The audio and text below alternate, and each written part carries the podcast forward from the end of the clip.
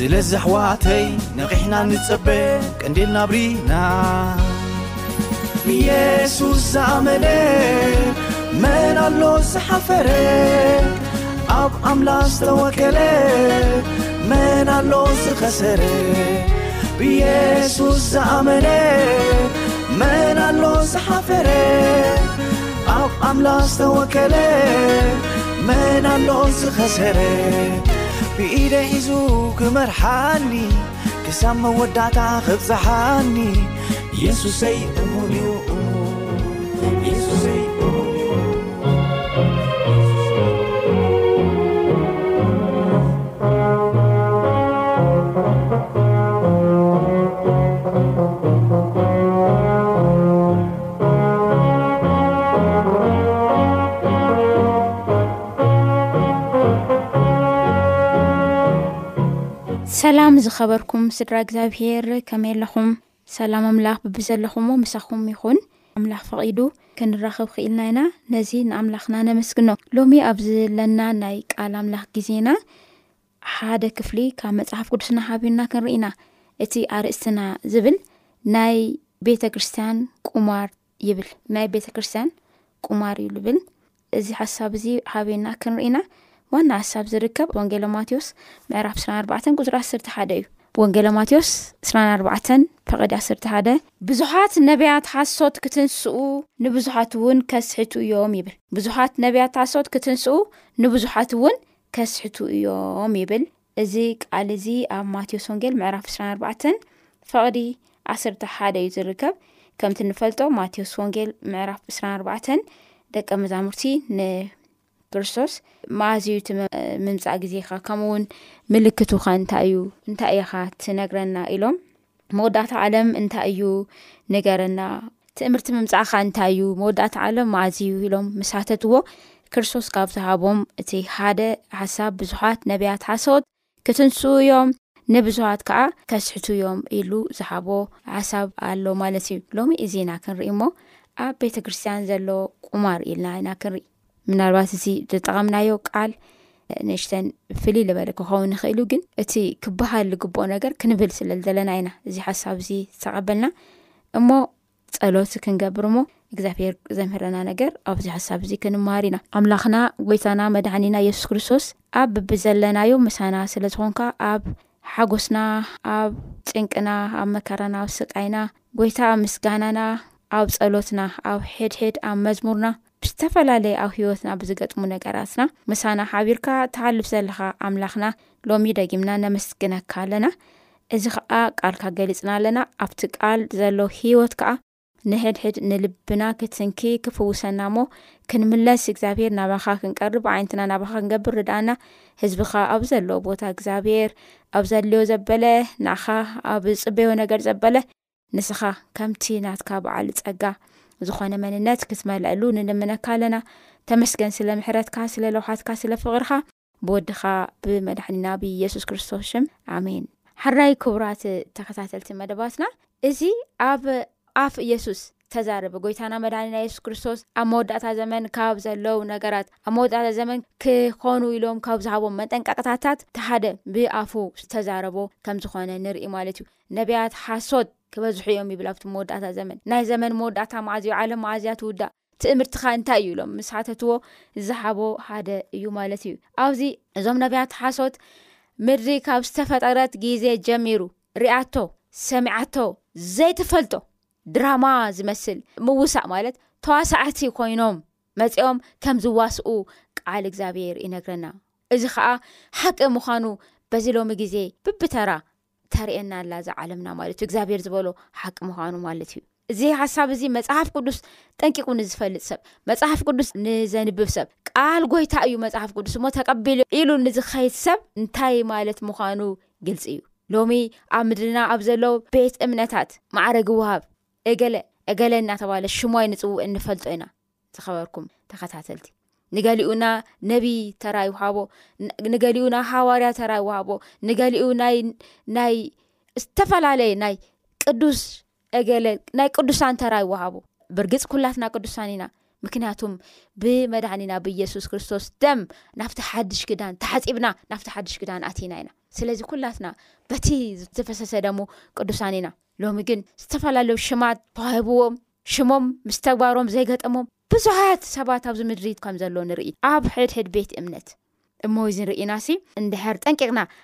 ቃል ኣምላኽ ንፈልጥ ከለና እዚ ንኣና ሓድሽ ኣይኮነና ማለት እዩ ናይ ነቢይ ማእረግ ተዋህቦ እኒኦ ናይ ቢሾፕ ማእረግ ተዋህቦ እኒኦ ናይ ሃዋርያ ማእረግ ተዋህቦ ኣሎ ዘይቲ እናተባሃለ ኣብ ዝተፈላለየ ቦታ ሰብ ኣብ ብዝነስ ዝተጠመደሉ ቦታ ኣሎ ከም ሎቶሪ ከም ዕድል ማለት እዩ ከም ዕጫ እናተገበረ ዝውሃበሉ ኣሎ ብዙሓት ከዓ በዚ ማዕረግ እዚ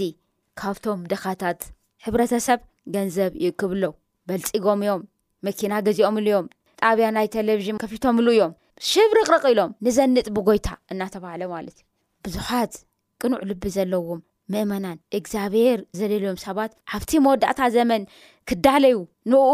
ንክርእዩ ንእግዚኣብሔር ንኣምላካ ክትቀባበሎ ተዳለው ይብል ነቲ ኣምላኾም ክቀባበሉ ንከይዳለዩ ህያው ዝኾነ ናይ ቃል ኣምላኽ ንከይቅበሉ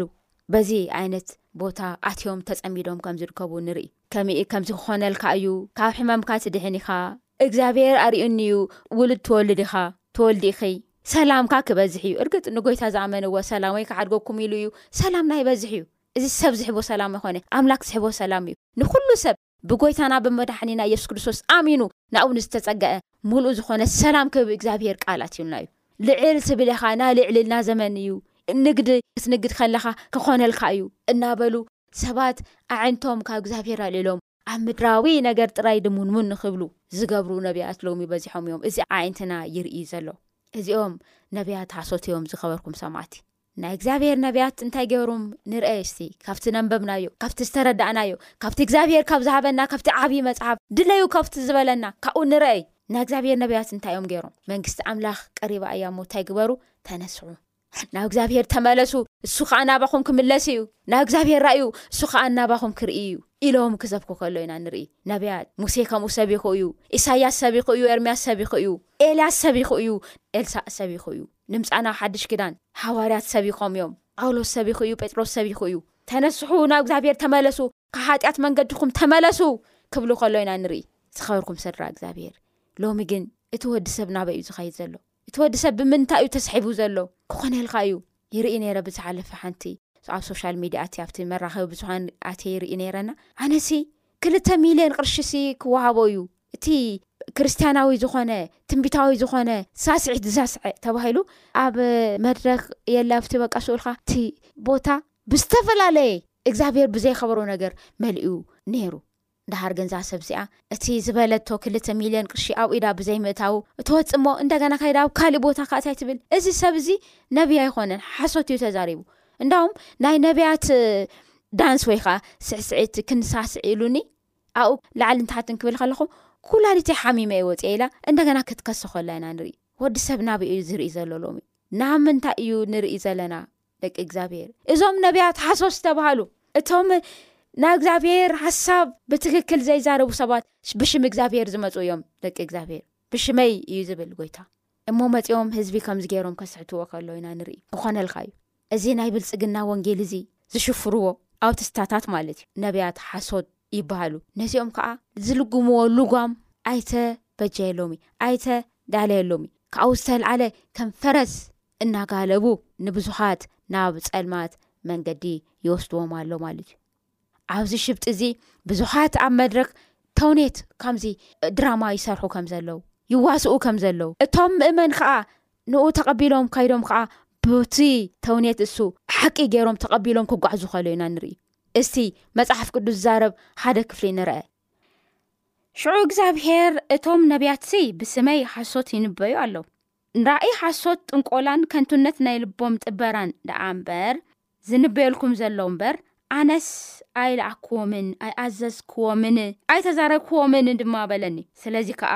ከምዚ ይብል ኣሎ ብዛዕባ እቶም ኣነ ከይለኣክዎ ኣብዚ ሃገር እዚኣ ሰይፍን ጥሜትን ኣይክህሉን እዩ ኢሎም ብስመይ ዝንበዩ ነብያት፣ እዞም ነብያት እዚኣቶም ብሰይፍን ብጥሜትን ክጠፍኡ እዮም ይብል። መወዳእታ ነብያት ኣሶት እግዚኣብሄር ኣንቢሩ ኣሎ። ካብ እግዚኣብሄር ከይተቀበሉ እንታይ ይብል ኣብዚ ዝርዝር እቲ ሓደ ኣነ ኣይላኣክዎምን ይብል። ኣነ ኣይ ኣዘዝክዎምን ይብል። ኣነ ኣይተዛረብክዎምን ይብል። እሳቶም ግን እግዚኣብሔር ከምዚ ይብል ኣሎ እናበሉ ክጥብርዎ ከለዉ ነዚ ህዝቢ ኢና ንርኢ ኮይኑ ግን ካብዚ መንገዲ እዚ ክንወፅእ ጎይታ ሎሚ ፃውኢት ትገብረልና እዩ ዝኸበርኩም ስድራ እግዚኣብሄር እሞ ኣብቲ መወዳእታ ዘመን ኢና በፂሕና ዘለና ጎይታ ኣብ መደግ ኣፍና በፂሑ እዩ ዘሎ ልብና ይኮኩሕ እዩ ዘሎ ኣባየኑ እዩ ነፍስና ኣንቢርና ዘለና ኣባይኑ እዩ መንፈስና ኣንቢርና ዘለና ኣብቲ ኣብ ምድራዊ ነገር እርግፅ ምድራዊ ነገር ምርካብ ሃጢኣት እዩ እናበልና ኣይኮናን ጎይታ ፅዒርካ ሰርሒኻ ብላዕ ናይ ላበትካ ናይ ነብስካ ናራሕስካ ብላዕ ኢሉና እዩ ስለዚ እሱ ኣይኮነ እቲ ዋና ነገር ናጎይታ ጉዳይ ግን ኣብ ምድራዊ ነገር መኪና ክንገዝእ ገዛ ክንሰርሕ ኣብቲ ምድሪ ዘሎ ነገር ድሙኑን እናበልና ምግቢ ማይ መሰረታዊ ዝኮነ ድሌትና እናማላእና ንኡ ከዓ ዘድሊ ትንቢታዊ ዝኮነ ቃል እናኣለሽና ክንጓዓዝ ኣይኮንን እዚ ኣዝዩ ክፉእ ዝኾነ ግዜ ኢና ዘለና ዝኸበርኩም ስድራ እግዚኣብሄር እሞ ናብ ኣምላኽና ኢትና ነልእል ናይ እግዚኣብሄር ጉዳይ ናትና ናይ ነፍሲ ጉዳይ እዩ መንግስቲ ኣምላኽ ቀሪባ ኣላ እሞ እንታይ ግበሩ ተነስሑ ይብለና እንታይ ኢና ክንገብር እንታይ ላገበና ኢና ክንፀንሕ በዚ መወዳእታ ዘመን እዚ ከምዚ ኢሎም ለምህሩ ነብያት ካሰትዮም ኢልና ካብ ቃሉ ነፂርና ኣውፃእና ሕናኻ እሞ እግዚኣብሄር እንታይ ኢሉና ኣብዚ መወዳእታ ዘመን፣ እስኪ ራእይ ዮሃንስ ምዕራፍ ዓሰርተ ኣርባዕተ ካብ ፍቕዲ ሽዱሽተ ጀሚሩ ዘሎ ነንብብ። ከምዚ ይብል፣ ነቶም ኣብ ምድሪ ዚነብሩ ንዅሎም ኣህዛብን ዓሌታትን ቋንቋታትን ህዝብታትን ክሰብከሎም ድማ ናይ ዘለኣለም ወንጌል ዘለዎ ካልእ መልኣኽ ኣብ ማእከል ሰማይ ክዝንቢ ከሎ ረእኹ። ብብርቱዕ ድምጺ ኸኣ እታ ዝፈርደላ ግዜ በጺሓ እያ እሞ ንኣምላኽ ፍርሕዎ ክብርውን ሃብዎ ነቲ ሰማይን ምድርን ባሕርን ዓይኒ ማይን ዝገበረ ስገደሉ በለ ስገዱሉ በለ ካሊእ ካልኣይ መልኣኽ ድማ እታ ካብ ካብ ወይኒ ቁጣዕ ምንዝርናኣ ንኩሎም ኣህዛብ ዘስተየቶም ዓባይ ባቢሎን ወዲቓ ወዲቓ እናበለ ሰዓቦ ካሊእ ሳልሳይ መልኣኽ ድማ ሰዓቦም፣ ብብርቱዕ ድምጺ ከምዚ እናበለ፣ ሓደ እኳ ነዚ ኣራዊት እዝን ንምስሉን እንተ ሰገደ፣ ኣብ ግንባሩ ወይስ ኣብ ኢዱ እውን ማኅተሙ እንተ ተቐበለ፣ ንሱ ድማ ኣብቲ ኣብ ጽዋእ ቍጣ ብዘይ ምሕዋስ እተቀድሐ ወይኒ መዓት ኣምላኽ ኪሰቲ እዩ፣ ኣብ ቅድሚ ቅዱሳት መላእክትን ኣብ ቅድሚ እቲ ገንሸል ከኣ ብሓውን ብዲንን ኪሳቐይ እዩ ይብል። እሞ ካብታ ወይኒ ቁጥዓ ንምድሪ ተስቲ ዘላ ካብታ እግዚኣብሄር ዘይበሎ ነገር እግዚኣብሄር ከምዚ ይብል እናበለት ንምድሪ ኩሉ ካብ ተስህት ዘላ ዓለም ንውፃእ ንእግዚኣብሄር ንስማዓዮ ንእግዚኣብሄር ፍርህዎ ክብሪ እውን ሃብዎ ነቲ ሰማይን ምድርን ባዕርን ዓይኒ ማያትን ዝፈጠረ እግዚኣብሄር ስገድሉ እዩ ዝብለና ሎሚ ሰባት ንሰባት ዝሰግድሉ ግዜ በፅሑ እዩ ሰባት ንሰባት ዘምልኽዎ ግዜ መፅኡ እዩ እግዚኣብሄር ግን ፈጣሪና እዩ እግዚኣብሄር ተበጃዊና እዩ እግዚኣብሄር መሃሪ እዩ እግዚኣብሄር ሂወት ውሃቢ እዩ እሞ ናብቲ እግዚኣብሄር ንጠምት ዝከበርኩም ሰማዕት ናብ እግዚኣብሄር ጠሚቱ ዝሓፈረ የለን ናብ እግዚኣብሄር ጠሚቱ ዝወደቀ የለን ናብ እግዚኣብሄር ጠሚቱ ዝተረፈ የለን እሞ ናብቲ ልዑል ዝኾነ ናብቲ ሓያል ዝኾነ ናብቲ ናይ ዩኒቨርስ ኩሉ ጎይታ ናብ ዝኾነ ኣምላኽ ኣዒንትና ክነልዕል ሎሚ እዚ እዩ እግዚኣብሔር ፃውዒት ዝገብረና ማለት እዩ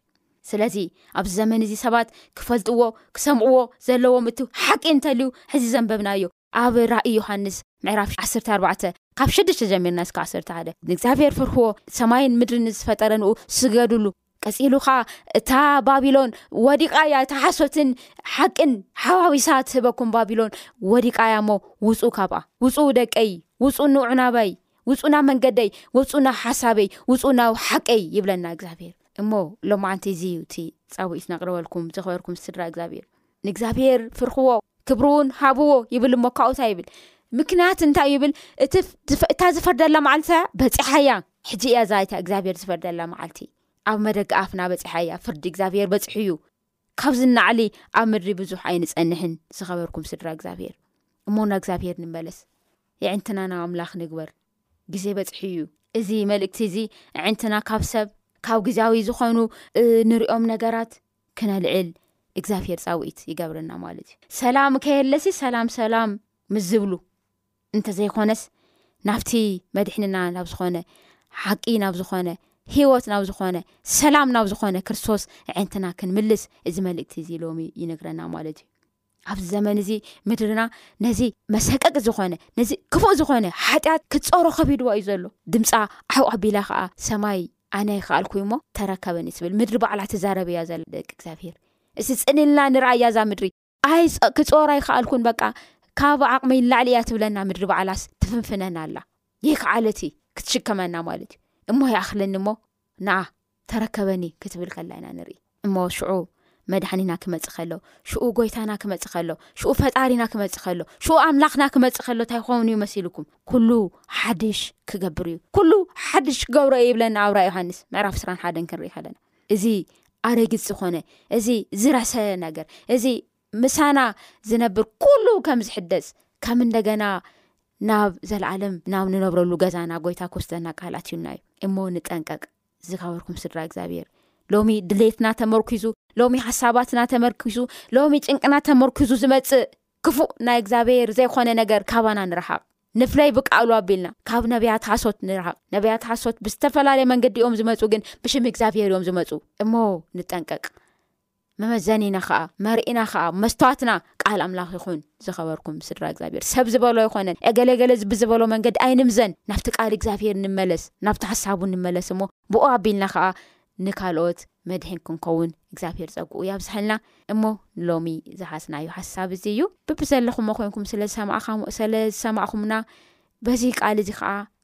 ልብኹም ከም ተሓደሰ ንኣምላኽ ረቕርብ መንፈስ ቅዱስ ከም ለመሃርኩም ለምህረኩም ተስፋ ንገብር ኣብ ዝቅጽል ካሊእ ሓሳብ ሒዝና ክሳብ ንቐርብ እግዚኣብሔር ምስ ኩላትና ይኹን ሰላምኩም ይብዛሕ